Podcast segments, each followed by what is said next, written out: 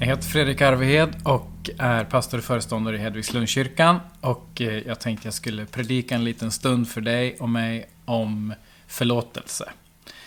Eh, vi, är, vi utgår ifrån Matteus kapitel 6 några veckor.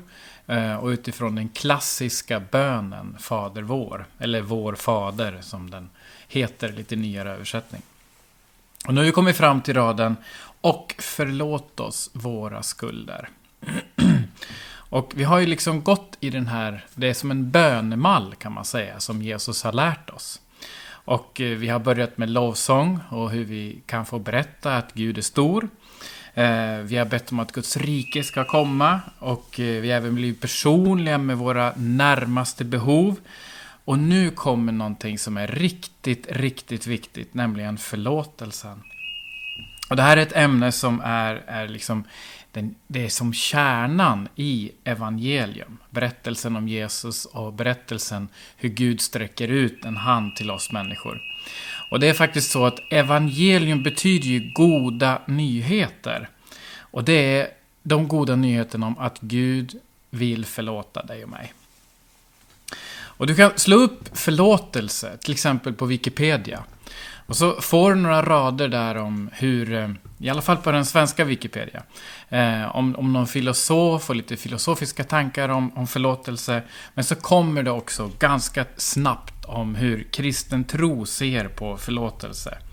Så att kristen tro och förlåtelse, det hänger väldigt starkt ihop.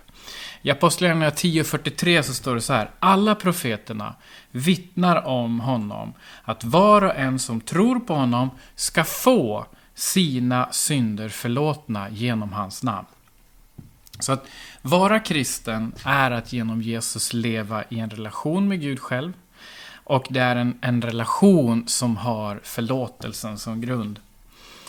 Och nu ska eh, Oliver, han ska få, Oliver Svon ska få predika om vad som händer när vi förlåter varandra. Så jag kommer inte gå in särskilt mycket på det. Utan jag kommer hålla mig kring det här med hur vi kan leva i förlåtelse med Gud. Men jag måste bara få nämna två saker som är så starka hur förlåtelse kan vara viktigt.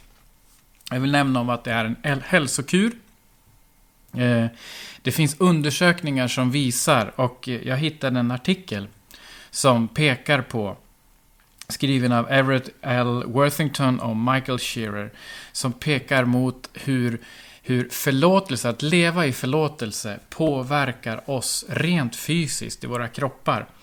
Eh, det här pekar på att eh, vårt blodtryck sänks när vi kan leva i förlåtelse.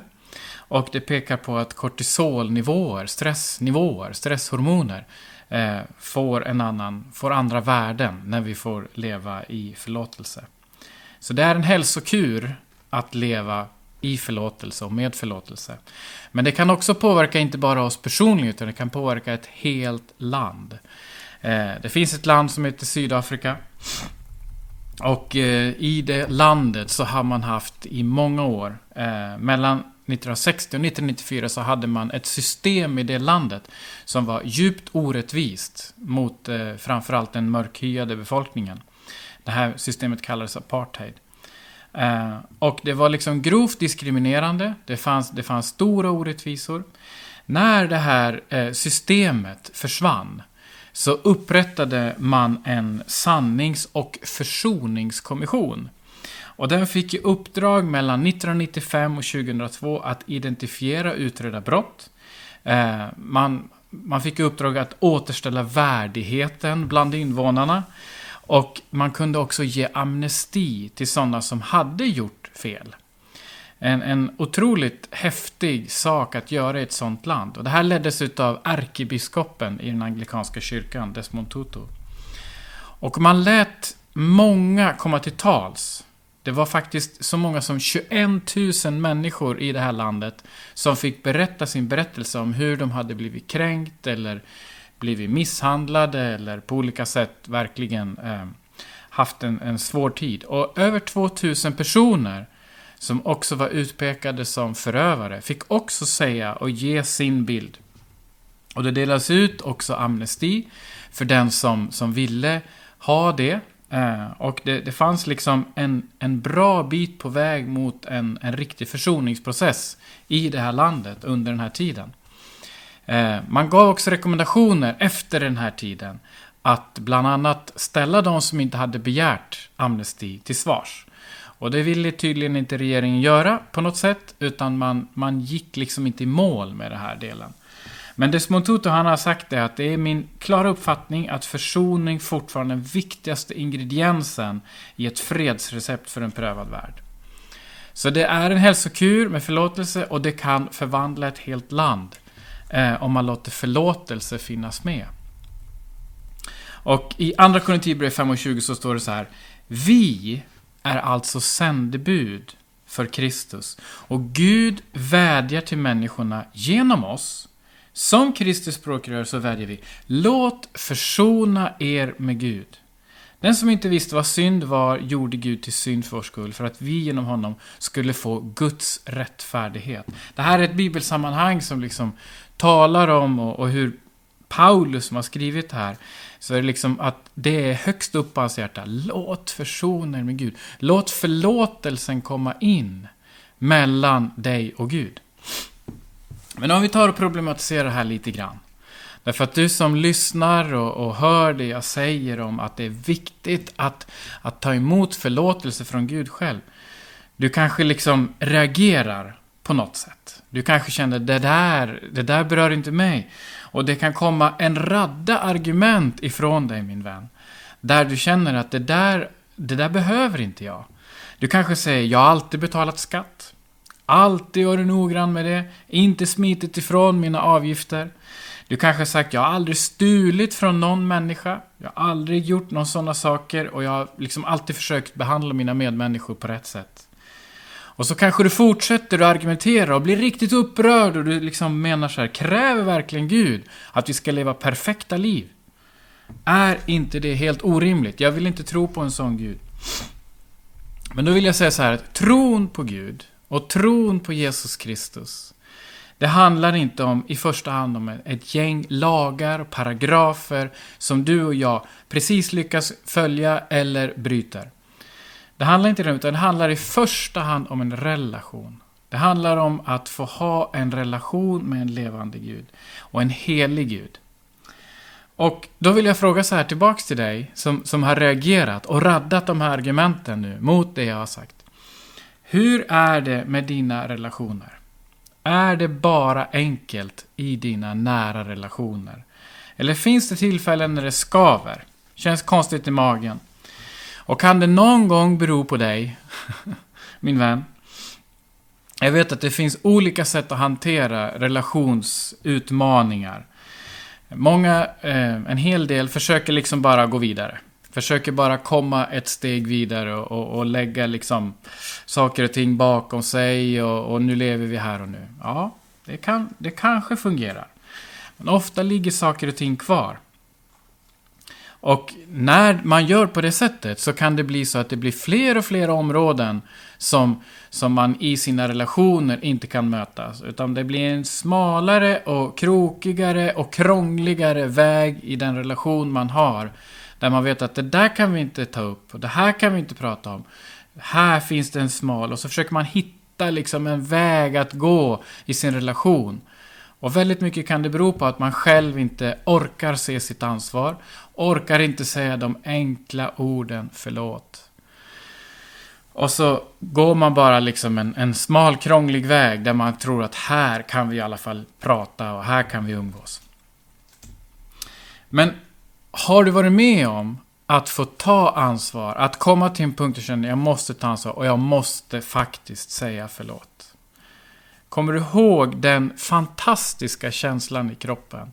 Den är rent fysisk, att få känna att nu har jag tagit ansvar, nu har jag sagt förlåt och jag har fått ett kvittens på att jag är förlåten. Det är, det är en helt ljuvlig, underbar känsla. Och då, då beskriver Bibeln det att Gud är vår pappa. En, en kärleksfull, respektfull pappa som vill försvara och beskydda dig och mig. Och tror du på allvar att han aldrig någonsin irriterat sig på dig eller mig? Att han aldrig någonsin blivit besviken?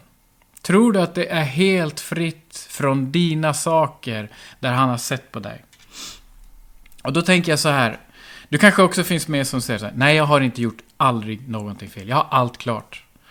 Och, och, du kanske har en sån hållning att du inte liksom kan se vad du kan ha gjort. Och då är Bibeln supertydlig min vän. Romarbrevet 3 och 23 säger så här. Alla har ju syndat och gått miste om härligheten från Gud. Och då är det så här att härligheten, det är liksom det här ljuset från Gud som vi kan få återspegla. Inte för att vi är så fantastiska, men för att Gud är så helig och ren och vill återspegla ett härlighetsljus i ditt och mitt liv. Ett liksom utstrålande, värmande ljus. Men Bibeln beskriver det som att när vi går vår egen väg, när vi inte tar ansvar för vår relation med Gud, pappa Gud, då förlorar vi den härligheten min vän. Och om du känner att ja, det kanske inte är så mycket härligt med mig, då, då vill jag bara uppmuntra dig. Du behöver Jesu försoningsstöd. Du behöver, du behöver säga förlåt mig min skuld, förlåt mig min synd. Det finns många olika berättelser. Och du har hört tidigare i gudstjänsten om att eh, det fanns en Petrus som blev förlåten av Jesus själv. Det finns en annan berättelse som jag vill läsa nu. Och det tycker jag är en otroligt vacker berättelse om förlåtelse. Och det är Jesus själv som berättar den här berättelsen. Och den står, Um, den står i, i ett av evangelierna. Det står så här. En man hade två söner. Den yngre sa till sin far. Far, ge mig min del av arvet nu. Och han gick med på att dela sin egendom mellan sönerna. Några dagar senare hade den yngre sonen sålt allt han ägde och gav sig iväg till ett främmande land. Där levde han ett vilt liv och gjorde snart slut på sina pengar. Men när han hade gjort av med allt drabbades en, en svår hungersnöd landet och han var snart i nöd. Han bad då en lantbrukare att anställa honom och mannen skickade ut honom att vakta svin. Han längtade efter att få äta sig mätt på svinens fröskidor, men ingen gav honom något. Då insåg han sin situation och sa till sig själv, hemma hos min far har de anställda mat i överflöd. Och här håller jag på att svälta ihjäl. Jag går hem till min far och säger, Far, jag har syndat mot både himlen och dig. Jag är inte värd att kallas din son längre, men låt mig åtminstone få arbeta som en av dina tjänare. Och så gick han tillbaks hem till sin far. Men, men, det är så fantastiskt det här men. Men medan sonen fortfarande var långt borta såg hans far honom och fylldes av medlidande. Han sprang emot sin son och kramade om honom och kysste honom. Sonen sa, Far, jag har syndat mot himlen och mot dig. Jag är inte värd att kallas din son längre. Men hans far sa till tjänarna, skynda er. Ta fram, eh, ta fram den finaste dräkten och sätt på honom den. Sätt en ring på hans finger och skor på hans fötter. Hämta sedan gödkalven och slakta den så att vi kan äta och ha fest. För min son var död, men är levande igen. Han var förlorad, men är återfunnen. Och så började festen. Och det här är en, en beskrivning som Jesus ger själv av pappa Gud. Som, som liksom bara väntar på att, att hans bortsprungne son ska komma tillbaks hem. Det var ju så att han, han hade, den här sonen hade egentligen inte gjort något lagligt fel mot pappan. Sonen hade växt upp, blivit myndig, hade rätt att få ut arvet och hade rätt att göra precis vad han ville med pengarna. Det fanns inget liksom lagligt i det. Så att det var ju liksom ingenting som han hade brytit mot på det sättet. Och så kan du, du och jag också känna igen oss. Vi har inte gjort något riktigt fel så mot Gud. Men vi har gått vår egen väg. Och vi har inte bekymrat oss om Gud. Utan vi har gått bort. Och vi har gjort det vi själv har tyckt varit rätt. Levt vårt liv så gott vi har kunnat. Men vi har inte bekymrat oss om Gud. Men Gud längtar efter en god relation. Och du får också tänka dig in att det här är en kultur där, där skam och, och ära var viktigt och är fortfarande viktigt. Det har vi inte riktigt i Sverige på det sättet, utan vi ser mer den individuella friheten, vi sätter den väldigt högt. Och, och det är okej okay för mig. Men du kan tänka dig själv att, att Gud skulle vilja få finnas i ditt liv. Och när du vänder dig bort så blir det en bruten relation. Men Jesus beskriver att pappan här, han kommer inte med straff, Han kommer och han längtar efter. Så när, när, när sonen vänder tillbaks hem till pappa. Då vet sonen att i den här kulturen så, så här, det här är egentligen fel att gå tillbaks nu. För nu har han liksom vanhedrat sin pappa. Men, men pappa Gud är inte en snål Gud, han är inte en, en eh, gingud, han är inte en som straffar på det sättet. Utan han möter sonen springande. Och när han ser att sonen har vänt tillbaks. Då bjuder han på det bästa som huset kan få. Han liksom välsignar honom och ger honom det som han egentligen redan har förverkat. Han har redan förverkat det här. Men pappa Gud är större och mer kärleksfull än vi någonsin kan förstå. Så det här är en, en, en bild som Jesus själv ger på hur pappa Gud direkt liksom, han söker, han väntar, han längtar efter dig och han väntar efter mig. Förlåt oss våra skulder. Och jag bara önskar att du skulle få eh, idag få göra ett sånt beslut i ditt liv. Att du skulle få eh, bara vända tillbaks till Gud. Om du aldrig någonsin haft en relation så är inte han beredd där att liksom räkna upp allt det tokiga som du har gjort. Det räcker med att du inser att du behöver Gud. Att du har saker och ting som du behöver ta ansvar för. Du förstår att ditt liv inte liksom går i linje i alla stycken med hur Gud skulle vilja. Och att du har en, en tro att komma honom närmare. En tro att vilja börja vända dig till honom. Att börja vända om. För det var det sonen gjorde i den här berättelsen. Han vände om. Han vände om hem. Och tänk att du och jag kan få vända om hem till pappa Gud. Och vi kan genom Jesus Kristus få närma oss honom. I Romarbrevet 6.23 så står det att syndens lön är döden. Men Guds gåva är evigt liv i Kristus Jesus, vår Herre. Har du en relation med Gud? Jag vet inte. Har du inte det så kan du få det. Du kan vända om och liksom vända ditt ansikte till att börja söka honom. Och genom Jesus så vill han också ge en förlåtelse som gäller för hela ditt eh, nuvarande och det liv du haft. Och för att det ska få bli en upprättad relation. Du ska få uppleva att det känns så det är gott i kroppen att vara förlåten. Och du ska kunna få en kvittens av att nu är det något nytt som händer i ditt liv. Och jag skulle verkligen vilja få be för dig att du får uppleva det där. Att du får uppleva att du blir försonad med Gud själv.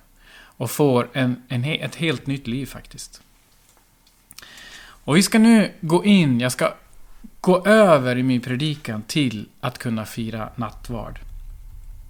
Och när man firar nattvard, då behöver man komma och just säga de här orden. Att få liksom vara med och, och säga Herre förlåt oss våra skulder. Därför att då finns det en rening som sker. Det finns liksom en, en, en kvittens på förlåtelsen. I och med att Gud vänder sig till dig. Och då bjuder han också in dig till att dela nattvarden. Så om du har ett bröd, eller om du har eh, lite, det kan vara alkoholfritt vin eller ja, vad du nu har för någonting. Så, så får du väldigt gärna, det går bra med saft också, det är inte, för oss som tror på Kristus så, så är det inte den exakta, eh, utan Gud vill vara nära dig i den här måltiden. I Bibeln så står det så här. Om vi bekänner våra synder är Gud trofast och rättfärdig så att han förlåter oss synderna och renar oss från all orättfärdighet. I första Korintierbrevet 11 så kan vi också läsa så här att i den natt Herren Jesus blev förrådd så tog han ett bröd. Han bröt det, tackade Gud och sa detta är min kropp som offras för er. Tag och ät. Likaså tog han bägaren efter måltiden. Han tackade Gud och sa, detta är mitt blod, förbundsblodet, som blir utgjutet för många till syndernas förlåtelse. Drick av den alla.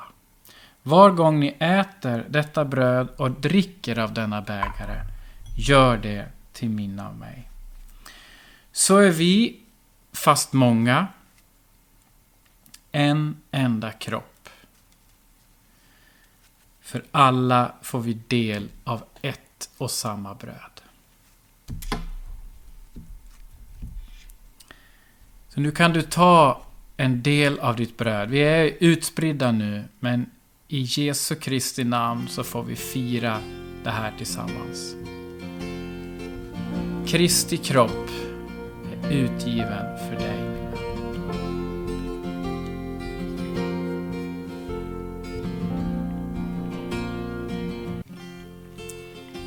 Och Kristi blod, det rann för dig.